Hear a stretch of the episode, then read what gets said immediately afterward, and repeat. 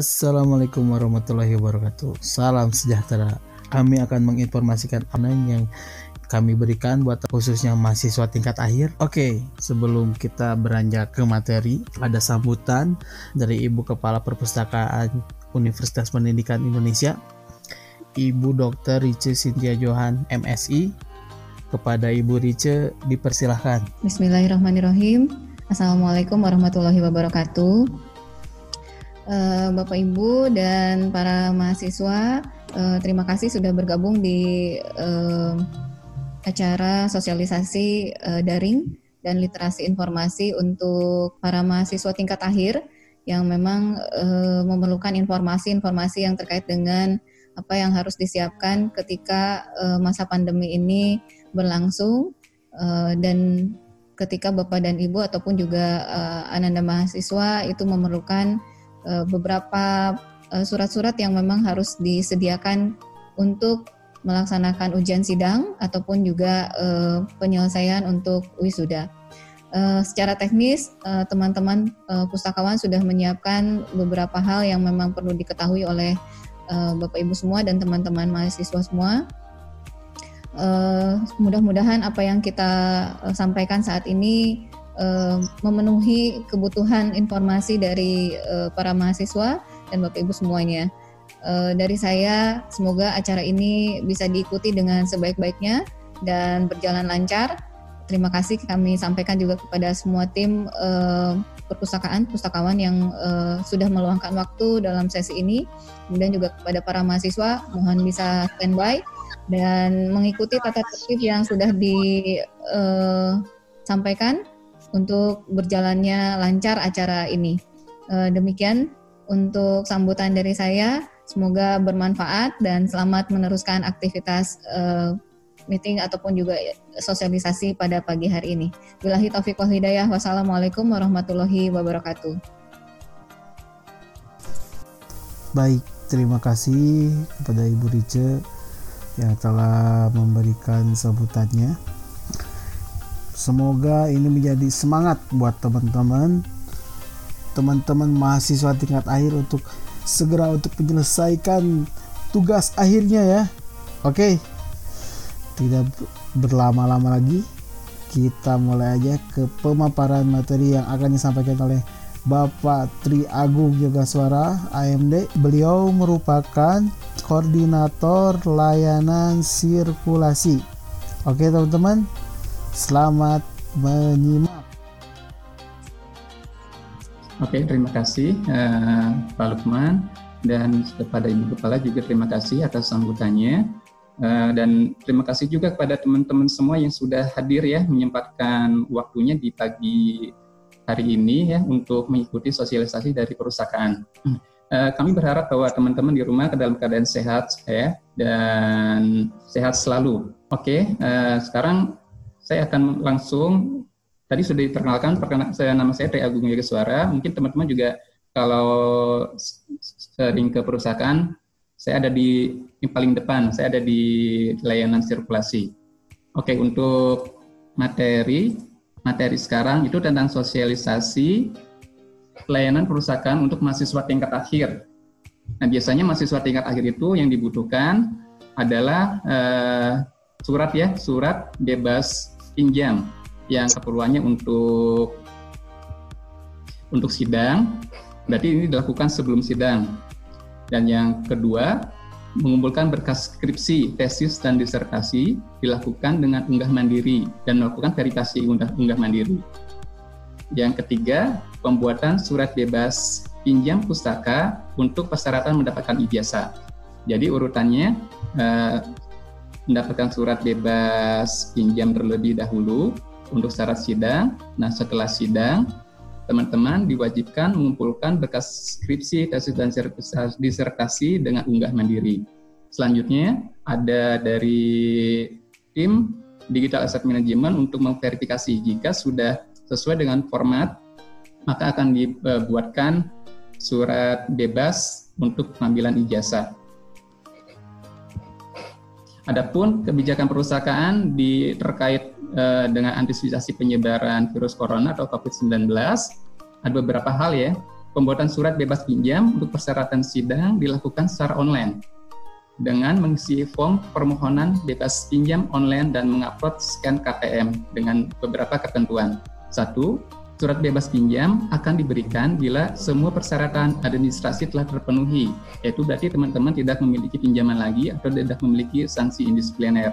Tapi karena kasus eh, terkait eh, virus corona ini, ada yang masih memiliki buku tapi dia masih pengen ingin sidang. Nah, kita ada ketentuannya, yaitu bagi mahasiswa yang masih memiliki pinjaman buku akan memperoleh surat bebas pinjam setelah mengirim formulir pernyataan pengembalian buku akan dilakukan saat perusahaan UPI buka kembali.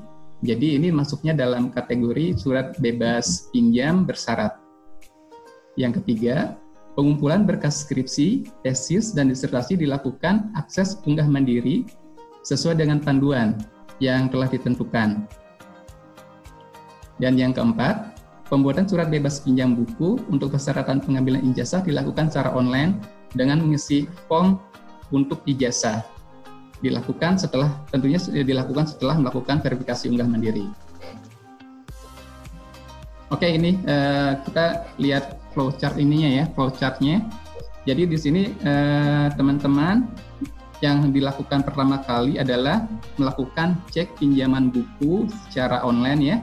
Alamatnya di perpustakaan.upi.edu garis miring cek pinjam. Nanti tinggal ketikkan NIM masing-masing nanti bisa tampil eh, apakah masih memiliki pinjaman atau tidak. Nah, eh, ketika misalkan teman-teman tidak memiliki pinjaman, misalkan di sini yang berarti no, berarti tidak memiliki pinjaman lagi, teman-teman melakukan pengisian form bebas pinjam online. Alamatnya di perpustakaan.upi.edu garis miring BP online. Nah, setelah mengisi form ini, maka petugas akan mengecek data yang masuk akan mengecek dan memverifikasi dengan database peminjaman. Nah, apakah data sesuai, apakah data data yang teman-teman masukkan itu sesuai? Gitu. Jika sesuai, berarti yes ya. Uh, petugas membuat surat bebas pinjam dan melakukan pengiriman surat bebas tersebut via email. Nah, setelah itu berarti prosesnya sudah selesai. Nah, nanti di form form ini ya untuk akses formnya itu uh, diharap uh, diharapkan login uh, menggunakan email UPEDU dan mengupload scan KTM. Nanti di sana ada ininya apa ketentuan-ketentuannya ya apa yang harus diisi. Nah, selanjutnya jika teman-teman uh, sudah mengisi ya mengisi form bebas bebas pinjam tapi ternyata setelah dicek masih ada uh, masih ada kendala. Biasanya itu kendalanya itu teman-teman masih memiliki sanksi, masih memiliki sanksi indisipliner. Uh, sanksi ini adalah sanksi sebelum masa masa COVID ya, masa COVID-19. Nah, untuk kasus yang seperti ini nanti petugas akan menghubungi akan menghubungi pemustaka via email atau via WhatsApp. Nah, selanjutnya diarahkan untuk melakukan pengisian form bebas bersyarat. Begitu selanjutnya.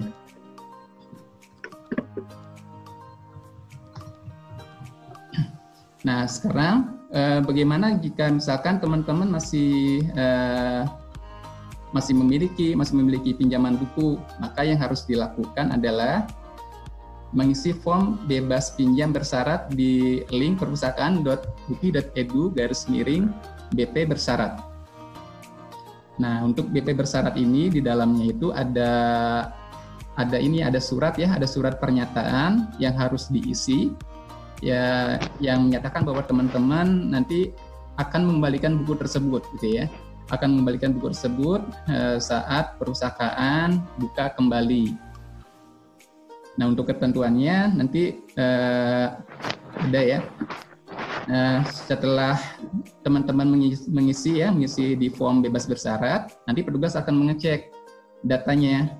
Data nanti mengecek juga uh, surat pernyataannya apakah sudah sesuai apa uh, belum.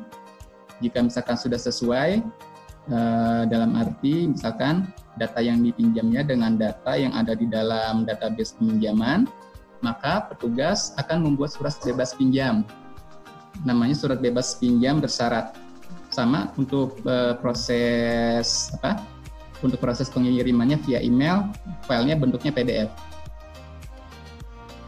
Nah, seperti ini ini, ini adalah contoh surat keterangan bebas pinjam untuk syarat sidang. Jadi eh, nanti bentuknya eh, kita lampirkan pada satu proses pengiriman email. Nanti tinggal langsung di-download dan menjadi salah satu syarat teman-teman untuk mengikuti sidang. Nah, sekarang eh, ketika teman-teman sudah sidang ya, sudah sidang, sudah revisi, pokoknya semuanya udah udah selesai, udah fix semuanya karya ilmiahnya, maka ada salah satu ada satu lagi kewajiban teman-teman yaitu melakukan unggah mandiri karya ilmiahnya. Linknya ada di uh, unggah.repository.upi.edu. Nah, jika belum, maka lanjutkan di diunggah dulu ya untuk proses uh, untuk mendapatkan suratnya gitu kan. Nah, jika teman-teman sudah unggah, berarti pilihannya di sini yes, kita lanjut, maka teman-teman harus mengisi uh, form sudah unggah secara mandiri.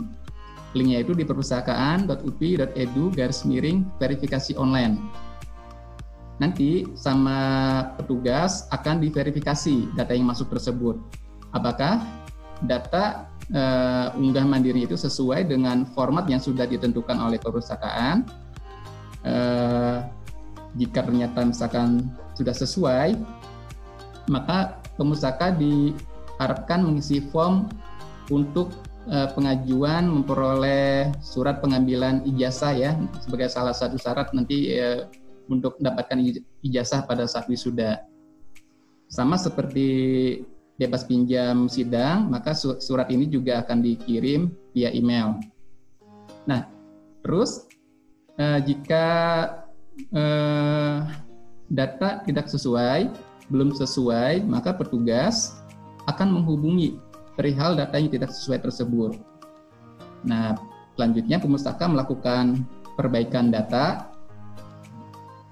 Melakukan setelah itu, petugas akan mengecek kembali apakah sudah sesuai dengan format ya, dan sesuai dengan format yang sudah ditentukan di dalam SUMA, sistem unggah mandiri. Uh, selanjutnya, petugas diarahkan untuk mengisi form untuk memperoleh surat. Nah, selanjutnya petugas akan mengirim surat jika misalkan semuanya sudah sesuai.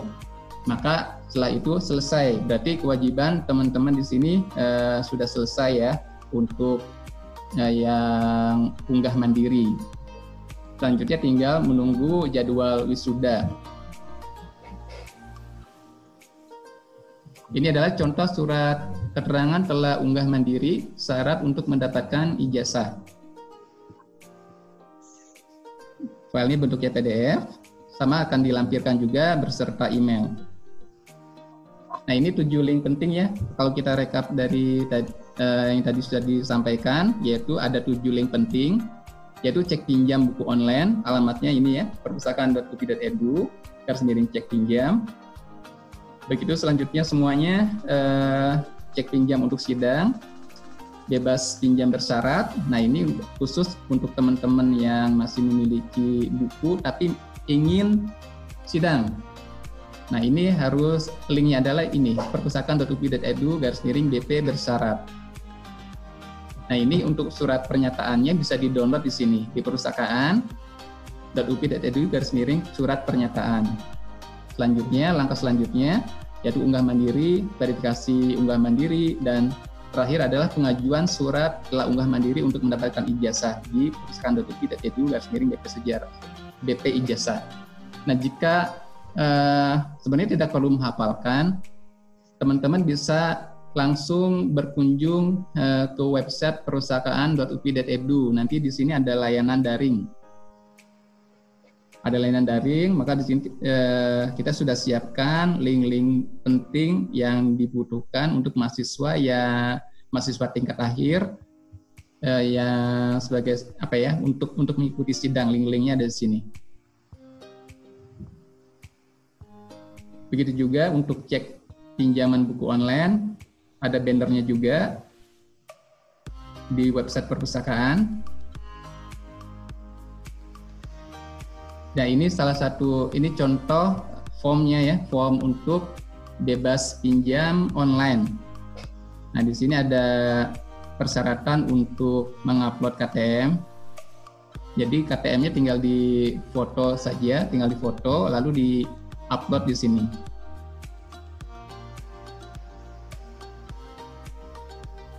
Dan ini adalah form bebas pinjam bersyarat. Nah, sebelum mengisi form-form yang ada di form bebas pinjam bersyarat, teman-teman eh, disarankan untuk mendownload dulu, mendownload surat pernyataan dan mengisi eh, datanya sesuai dengan data pinjamannya. Lalu ditandatangan di atas materai yang 6000. Nah, setelah suratnya sudah siap, suratnya bisa difoto juga, lalu uh, baru langkah selanjutnya adalah mengisi form-form yang sudah ditentukan ini.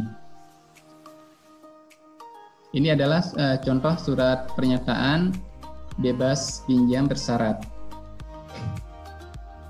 Nah, di sini ada judul ya, ada judul, ada nomor panggil sama nomor barcode. Bisa di bisa diketik atau bisa misalkan ditulis tangan, tidak apa-apa ini apa sih buat sidang kayak kan harus bebas perpus. Iya kan sebentar Ibu ya. Uh, kita nanti uh, selesaikan dulu, nanti kita ada uh, tanya jawabnya. Oke, uh, sekarang kita lanjut. Ini adalah pos form bebas pinjam untuk memperoleh ijazah. Ini dilakukan berarti uh, ketika teman-teman sudah unggah mandiri unggah mandiri karya ilmiahnya yang sudah fix ya, misalnya sudah ditandatangan oleh pembimbing, oleh oleh pembimbing satu, pembimbing dua, semuanya sudah ditandatangan. Baru uh, diunggah dan setelah diverifikasi dan disetujui sama uh, tim di Digital Asset Management, baru diisi form bebas pustaka untuk pengambilan ijazah ini. Nah, jika misalkan sudah sesuai, maka kita akan buatkan suratnya untuk proses pengambilan ijazah sebagai salah satu syarat mengikuti wisuda. Nah, ini adalah contoh eh, formulir ya, formulir penyerahan data karya ilmiah. Ini diisi juga. Jadi sebelum uh, unggah mandiri, teman-teman mendownload dulu formnya, diisi, difoto, lalu nanti diunggah beserta di form penyerahan eh, data karya ilmiah. Oke, jika uh, ini adalah kontak dari perpustakaan, bisa menggunakan ada email, ada sosial media dari Facebook, Twitter, Instagram, atau bisa juga menggunakan WhatsApp.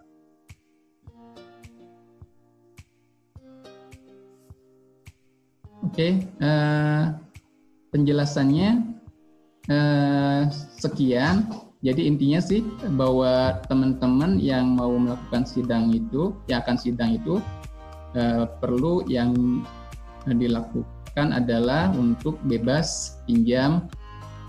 Jika masih memiliki buku yang dipinjam tadi, berarti harus uh, melakukan apa ya, bebas pinjam bersyarat Nah, selanjutnya unggah mandiri.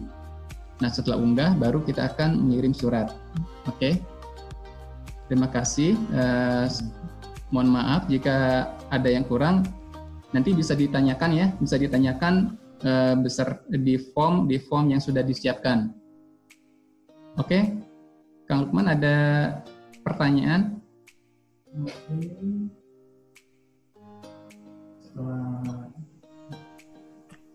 Baik, terima kasih Pak Agung atas pemaparannya. Kepada Bapak Ibu yang ingin bertanya, bisa diisi di, di yang absensi itu bapak ibu absensi, absensi. nanti bapak ibu bisa mengisi pertanyaannya di apa yang bapak ibu ketahui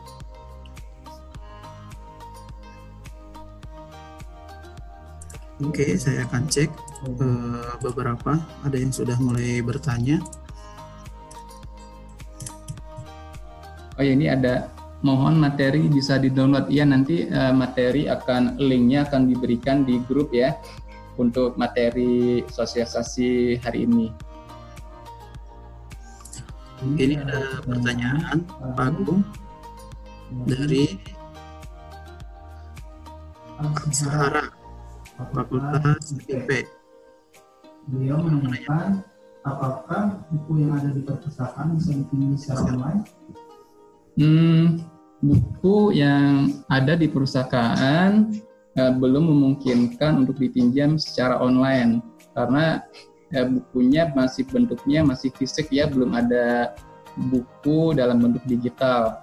Nah paling ada kita eh, di ebook ya paling kalau misalkan mau membaca paling ebook yang sudah kita langgan. Nah untuk linknya itu ada di website perpustakaan. Jadi kalau misalkan mau eh, membaca ebook ya mungkin ebooknya masih terbatas uh, itu ada di website perpustakaan. Sedangkan untuk buku-buku yang sifatnya fisik untuk sementara ini masih belum bisa dipinjam. Oke, baik ke pertanyaan berikutnya yang lewat absensi ini. Ini seperti pertanyaan yang sering sekali diutarakan Pak. Instagram, dan Twitter, jika masih ada buku yang belum dikembalikan Mm -hmm. dan tinggal tinggal waktunya sebelum corona, bagaimana pengembalian bukunya sementara harus atau tidak? Oke oke. Nah, jadi ini untuk terkait buku ya, buku memang kalau dilihat sekarang di database itu yang di luar ada sekitar 6.000 buku. Nah, eh, di masa COVID-19 ini eh, kita masih belum bisa apa menerima eh, layan pengembalian buku walaupun sebenarnya di perusahaan buka ya, buka 24 jam melalui book drop. Tapi kebijakan untuk buku yang terlambat di masa COVID-19 ini untuk itu otomatis diperpanjang. Jadi untuk sanksi eh, keterlambatannya itu tidak akan dihitung, jangan khawatir. Jadi paling yang diminta kepada teman-teman mahasiswa untuk menjaga buku tersebut di rumah masing-masing yang sampai kena misalkan eh, basah ya atau misalkan intinya di, di, di, tetap dilindungi. Oke, berarti Pak kalau yang pembeliannya di tanggal saya dia minjam pembeliannya tanggal Hmm. 20 Maret ya. Ya. 20 Maret kan posisi sudah ditutup. Bagaimana denda atau tidak? Nah, untuk eh, untuk masalah terkait sanksi untuk eh, di masa COVID-19 ini eh, dia misalkan tadi tanggal 20 ya. Ya, 20 Kita tutup eh, ya tanggal 17, masalah 17. Eh, berarti memang itu masuknya nggak akan kena denda seperti itu. Oke, berarti untuk pengembalian dari tanggal 18 sampai tanggal 29 Mei itu tidak akan terhitung Ya, betul. Itu kebijakan dari Ibu Kepala Perusahaan juga untuk mahasiswa yang buku-buku yang sekarang statusnya terlambat di masa COVID-19 ini kami tidak memungkinkan juga ya untuk mengembalikan buku. Nah, itu untuk sanksinya eh, tidak akan dihitung. Jadi otomatis buku tersebut diperpanjang dan diharapkan eh, buku tetap dijaga di rumah masing-masing. Oke. Apabila Bapak Ibu yang masih meminjam buku akan tetapi bukunya itu tanggal pengembaliannya di bawah tanggal 17 berarti dia masih dapat denda Pak ya? Ya, eh, untuk secara per- eh, secara kebijakan memang eh, kemarin itu masih di ini ya, masih di masa Covid-19 ini gitu kan untuk yang ter- tidak terkena sanksi. Nah, untuk nanti untuk pengembalian buku yang sebelum masa itu eh, mungkin akan akan tetap ada ada sanksi tapi akan dipotong eh, akan ada pengurangan untuk ketik eh, sanksi-sanksi di- di masa COVID-19 ini. Oke, terima kasih Pak Agung. Kita cek lagi apakah masih ada yang bertanya. Nah, ini ada pertanyaan dari Tris Dayanti, kampus daerah Purwakarta. Beliau menanyakan apakah layanan pemuatan surat bebas pinjam ini berlaku di kampus daerah, Pak? Hmm, untuk bebas pinjam untuk kampus daerah yang berlaku itu hanya kampus daerah Cibiru.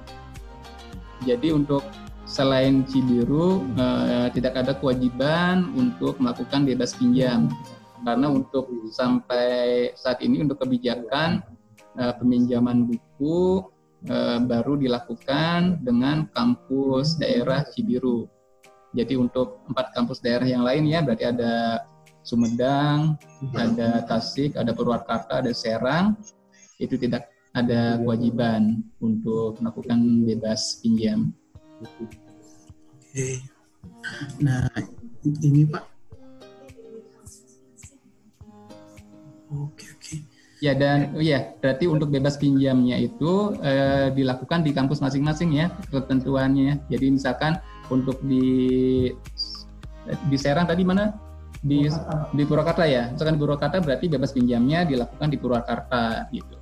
Jadi untuk di kampus eh, di pusat tidak tidak perlu bebas pinjam di kampus masing-masing saja.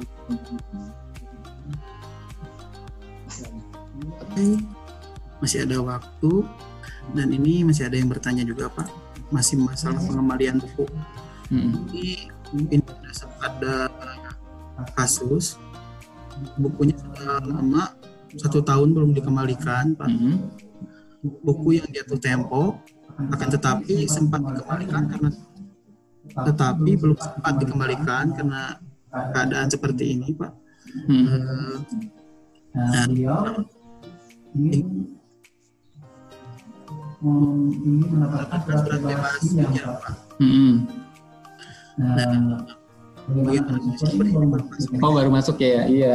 Jadi gini, eh, jadi eh, untuk teman-teman ya, teman-teman mahasiswa yang eh, masih memiliki pinjaman buku, masih tetap bisa kita eh, kita layani untuk bebas pinjam walaupun masih memiliki buku. Tapi ada ketentuan yaitu eh, namanya bebas pinjam bersyarat.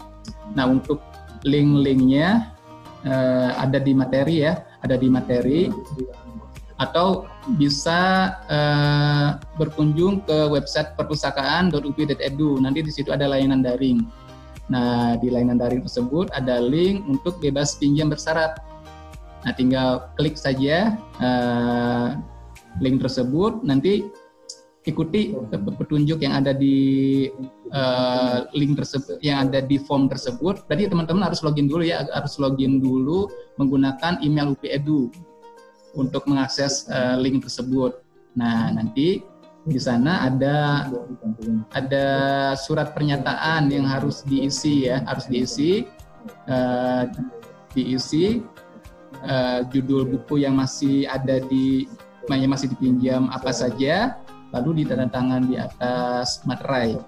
Selanjutnya diunggah, selanjutnya diunggah di formulir yang sudah disediakan. Nanti kita buatkan surat bebas pinjamnya eh, dan mengirim via email. Jadi jangan khawatir ya, walaupun misalkan teman-teman masih memiliki pinjaman buku, tetap kita la- layani untuk eh, untuk mengikuti sidang. Oke, pertanyaan berikutnya, apakah ada batas maksimal upload mandiri bagi mahasiswa S2 yang sudah melaksanakan, melaksanakan sidang tahap 2, Pak? Batas unggah mandiri ya. Ya, Batas unggah mandiri sebenarnya gini, untuk unggah mandiri eh, bisa dilakukan kapan saja. Nah, hanya saja eh, nanti berkaitannya itu dengan administrasi masing di masing-masing program studinya.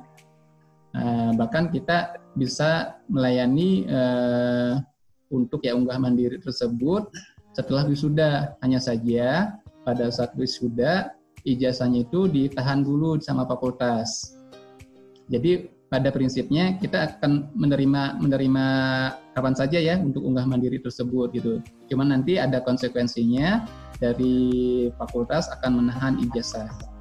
Wisuda masih bisa dilakukan, tapi ijazahnya ditahan.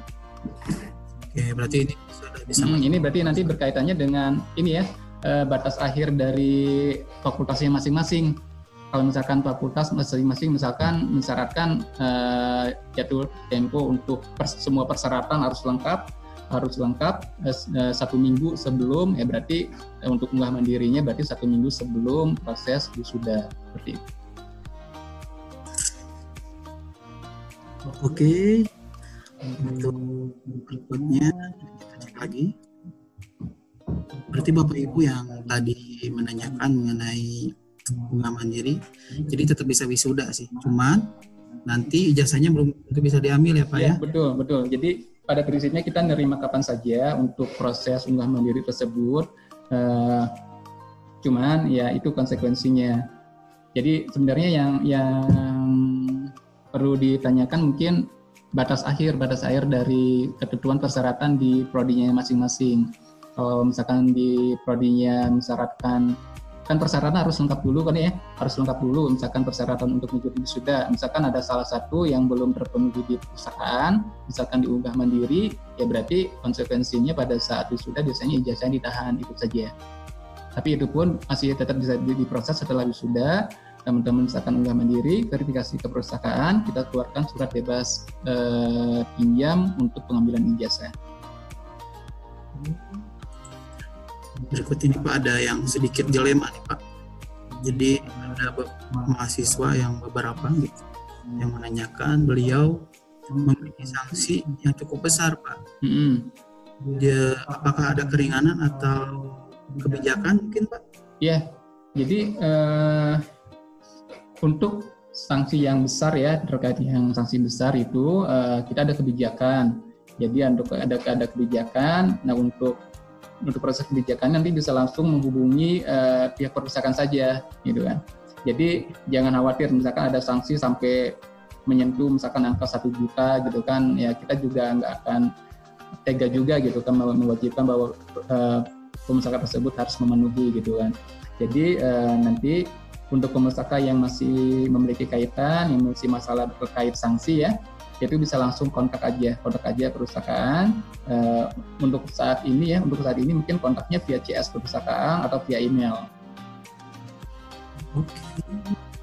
Jadi untuk sanksi tetap ya, eh, jadi ada ada kebijakan pada prinsipnya. Jadi nggak akan dibayar semuanya.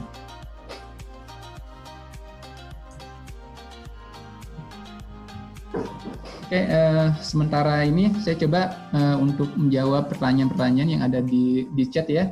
Di sini ada bagaimana cara mahasiswa mengetahui memiliki pinjaman buku. Nah, teman-teman bisa melakukan pengecekan pinjaman buku secara online di alamatnya itu di perpustakaan.upi.edu garis miring cek pinjam. Atau kalau misalkan itu bisa langsung berkunjung ke website perpustakaan saja di perpustakaan.upi.edu. Nanti di situ ada link untuk cek pinjam nanti tinggal ketikkan saja NIM-nya nanti akan muncul daftar pinjaman eh, yang yang ada.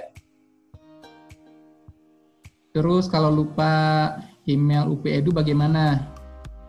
Nah kalau misalkan email UPEDU-nya lupa, mungkin bisa kontak TIK ya untuk kaitannya dengan email UPEDU.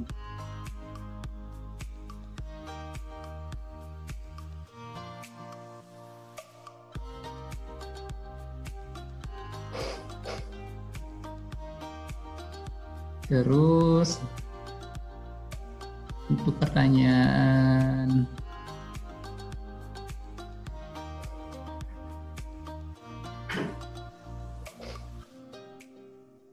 Coba kita lihat. Oh ya, ini karya ilmiah yang dimaksud adalah skripsi, tesis, dan disertasi. Ya betul, adalah skripsi, tesis, disertasi yang ditanyakan oleh Vivi Anggriani ya, Anggriani.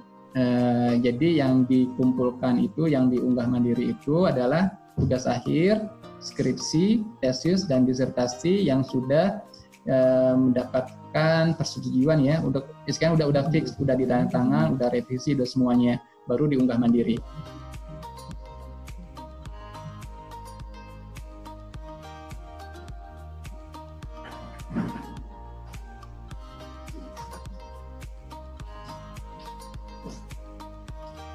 Oh ya di sini ada ada juga apakah email lain eh, kalau misalkan teman-teman lupa misalkan eh, email ya misalkan email UPEDU-nya lupa bisa menggunakan email Gmail. Tapi yang pasti harus login dulu, harus login dulu di email uh, untuk mengakses formnya.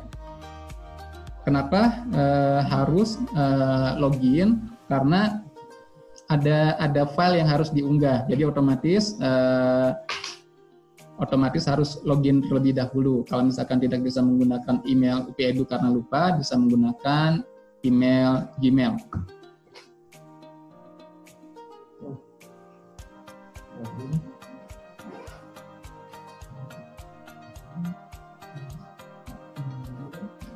Oke, Kang Lukman, ada pertanyaan lagi yang belum?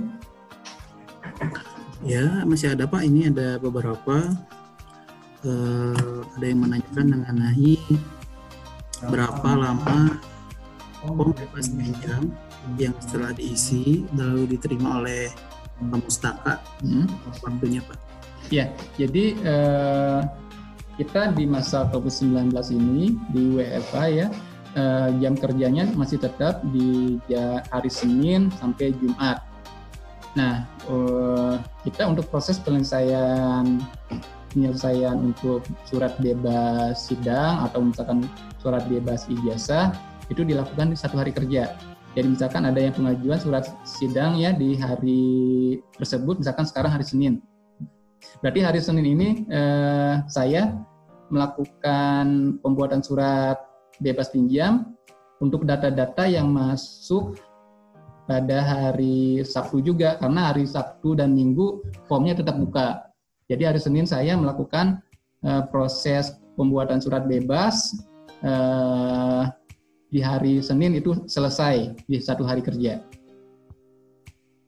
Oke, berarti Bapak Ibu menunggu mengenai surat itu. Ya jadi jadi gini. Jadi kalau misalkan teman-teman misalkan di hari Senin ini ya eh, mengajukan permohonan surat surat bebas sidangnya setelah jam 3 atau setelah jam 4 eh, itu akan diproses di hari berikutnya.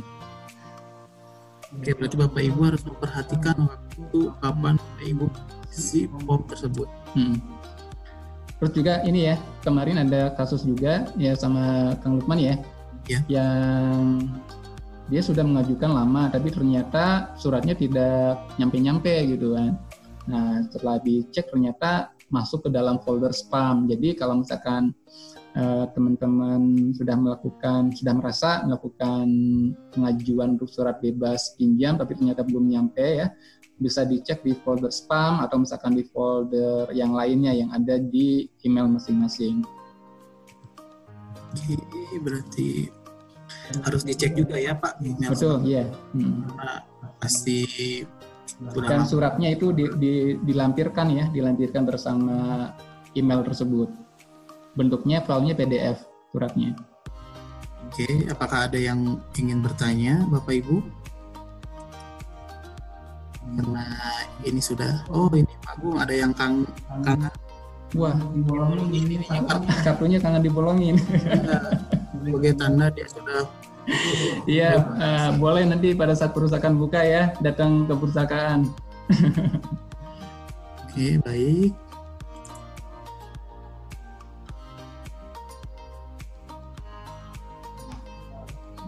Hmm. Udah, udah habis ya. Oke, uh, jika ada yang ditanyakan lagi ya, uh, mungkin dicukupkan untuk sosialisasi untuk layanan perusahaan khususnya untuk mahasiswa tingkat akhir ya untuk yang bebas sidang atau misalkan untuk yang unggah mandiri dan untuk proses pengambilan ijazah. Nah, jika ternyata misalkan nanti masih ada yang ditanyakan bisa menggunakan tadi ya kontak kontak kontak dari perpustakaan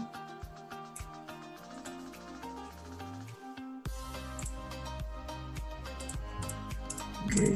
Linknya ada di sini.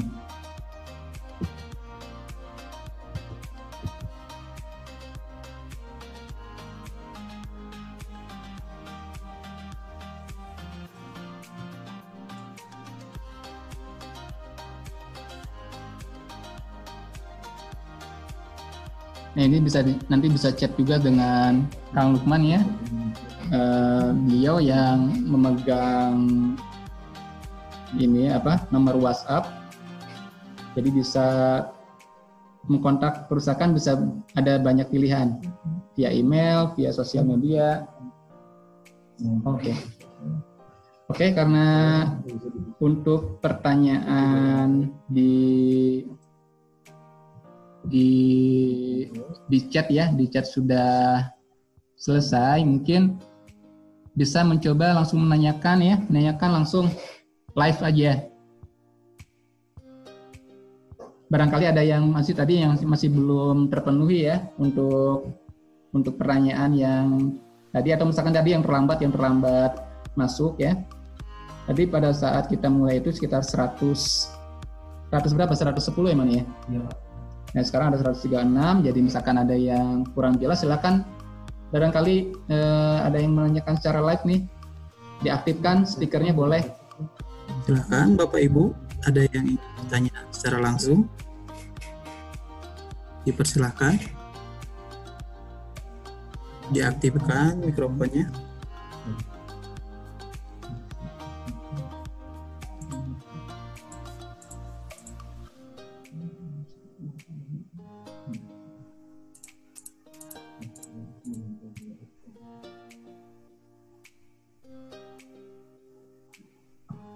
Saya boleh bicara sebentar sedikit Oh ya iya, silakan Pak Ibu. Lukman, Pak Agung.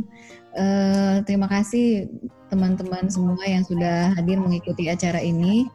Eh, yang saya perlu tegaskan adalah Bapak Ibu, teman-teman mahasiswa meminjam buku ke perpustakaan itu adalah aset negara.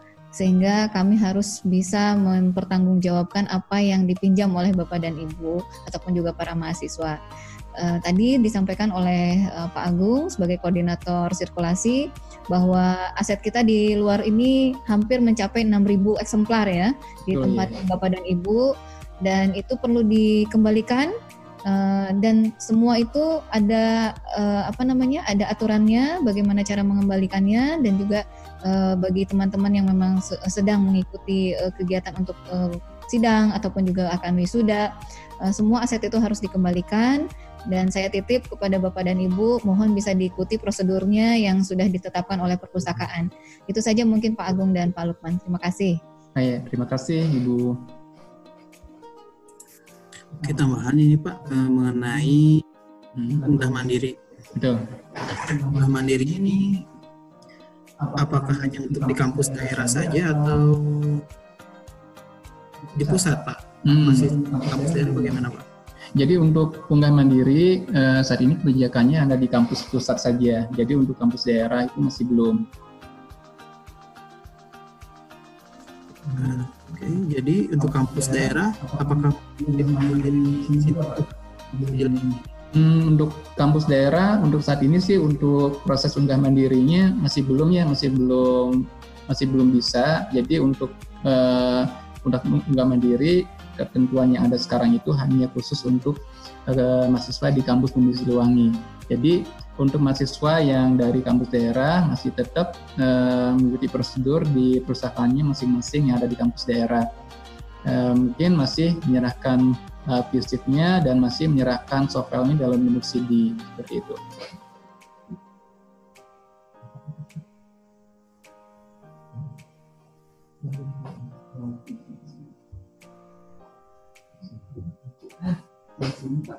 Hmm? barcode nomor panggil buat isi.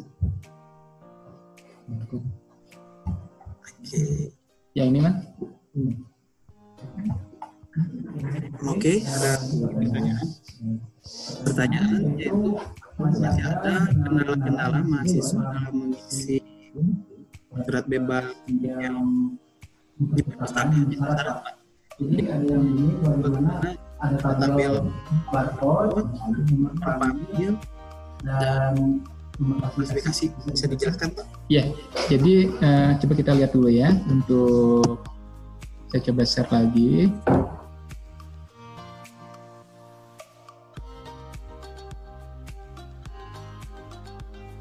Nah, ini eh, untuk tampilan eh, surat pernyataan ya. Di sini judul, ya berarti judul dari buku tersebut, nomor panggil adalah label, label ya, label yang ada di punggung buku. Ya, sedangkan nomor barcode adalah nomor yang ada di yang berbentuk garis-garis ya, garis-garis hitam. Di situ dimulai yang dari huruf A, A00 misalkan ini ada uh, contoh Oh ya, bisa ini ya.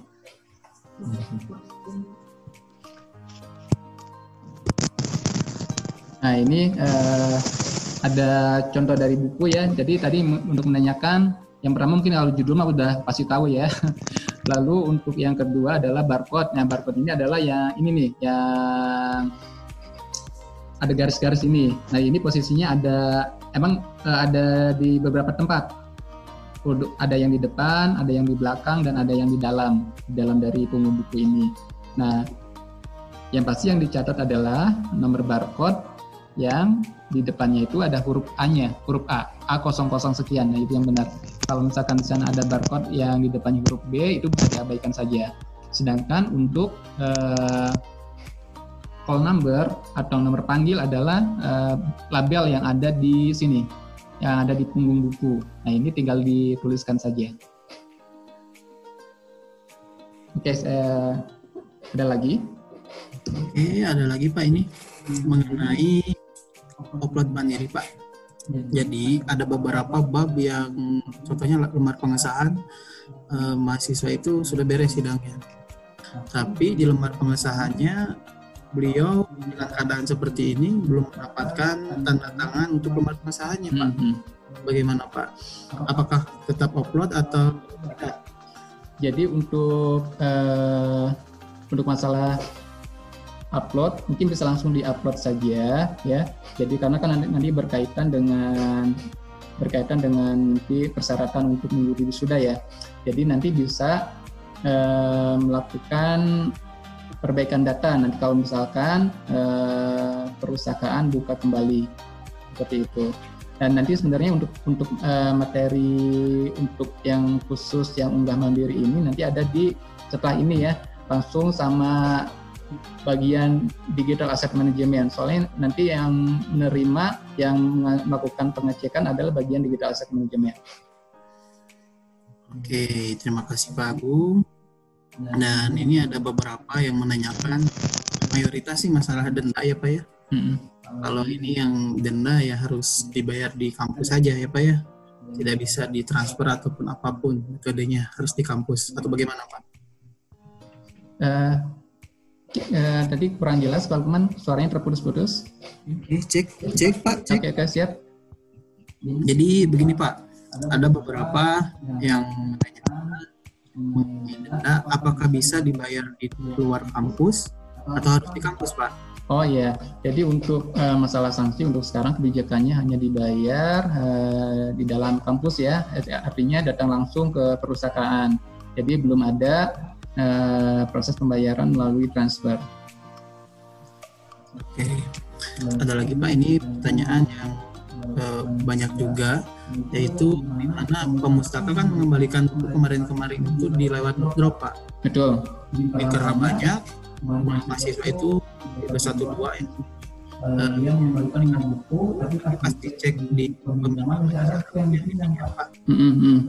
itu pak Ya, jadi gini, jadi kalau yang teman-teman yang membalikan buku di drop gitu kan sebenarnya jangan khawatir juga kalau misalkan ada buku yang ternyata tidak terdeteksi karena buku-buku tersebut uh, aman. Nanti uh, pada saat perpustakaan buka itu kita akan proses ulang semuanya. Akan kita cek ulang semuanya dan melakukan proses pengembalian secara manual.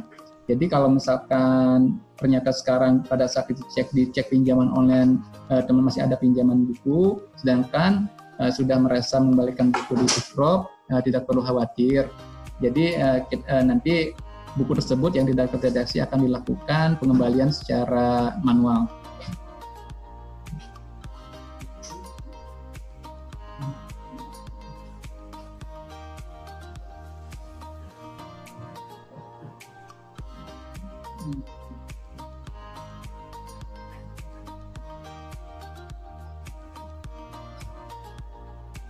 Oke,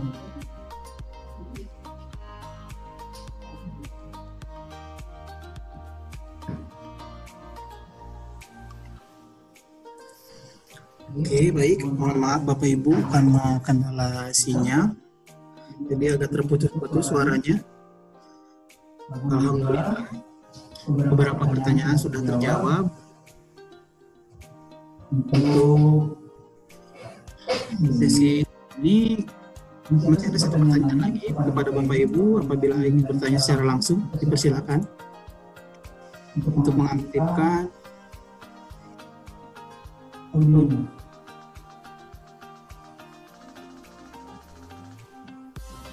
Nah ini ada pertanyaan juga yang terlewat di di Zoom ya di grup chat hmm, dari Ari Riswanto.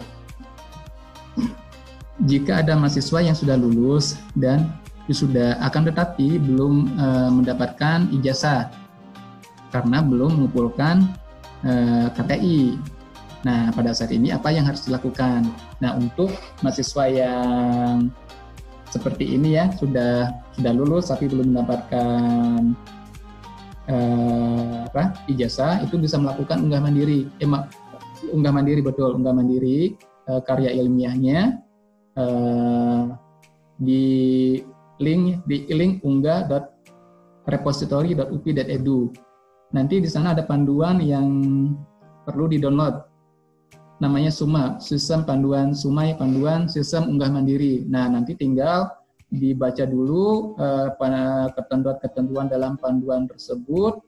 Nah, selanjutnya tinggal melakukan unggah mandiri. Nah, setelah unggah mandiri, lakukan uh, ini ya, konfirmasi atau verifikasi dengan mengisi form yang sudah disediakan.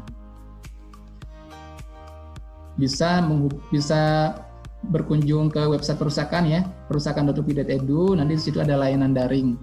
Nanti linknya ada di situ. Jadi pada uh, prinsipnya untuk mahasiswa yang sudah lulus pun tetap kita layani ya untuk mendapatkan ijazah. Jadi syaratnya sama, beliau harus uh, mengunggah karya ilmiahnya di repository.upi.edu.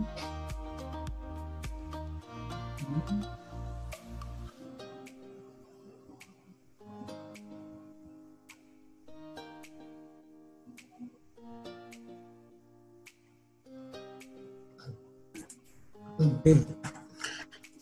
Apakah ada yang lagi Bapak Ibu? Karena pertanyaan yang sudah dari absen sudah diutarakan dan yang dari chat juga sudah. Apakah ada satu pertanyaan Mas secara langsung? Dipersilakan.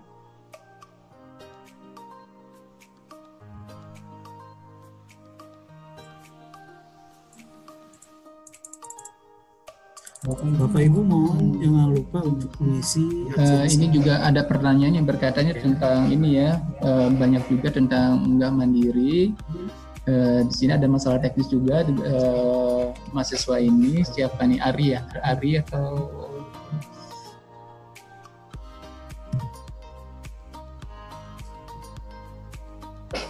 Ya, Ari Riswanto di sini dia sudah mencoba melakukan login unggah mandiri katanya tapi tidak bisa cara menguploadnya. Nah mungkin uh, yang perlu dilakukan sekarang adalah mendownload dulu ya, mendownload dulu panduannya, terus dibaca ulang. Uh, saya, saya kira akan ada ada ada yang lewat gitu. karena teman-teman yang lain tidak ada masalah untuk proses unggah mandirinya. Jadi kalau misalkan uh, di sini uh, Mas Ari kebingungan tidak bisa bisa upload ya. mungkin bisa dibaca uh, panduan yang suma. yang ada di unggah buat repository dari bupi.edu di situ juga ada panduannya. Oke. Okay. oke okay, baik. Uh, melihat waktu sudah menunjukkan jam 10 uh, akan kami tutup. Terima kasih kepada Bapak Ibu sekalian yang telah berpartisipasi. Semoga kita selalu diberikan kesehatan dan mudah-mudahan apa yang selama ini menjadi bapak ibu yang bapak ibu ingin tanyakan sudah terjawab dan adapun apabila yang ingin bapak ibu tanyakan lebih lanjut bisa melalui media sosial kami via WhatsApp, Instagram dan Twitter ataupun Facebook dan ada beberapa yang sudah menanyakan mengenai pengaksesan karya ilmiah nanti akan dijelaskan di sesi berikutnya. Terima kasih Bapak Ibu atas perhatiannya. Semoga kita diberikan kesehatan selalu. Assalamualaikum warahmatullahi wabarakatuh. Terima kasih Pak Agung. Waalaikumsalam warahmatullahi wabarakatuh. Terima kasih Kang.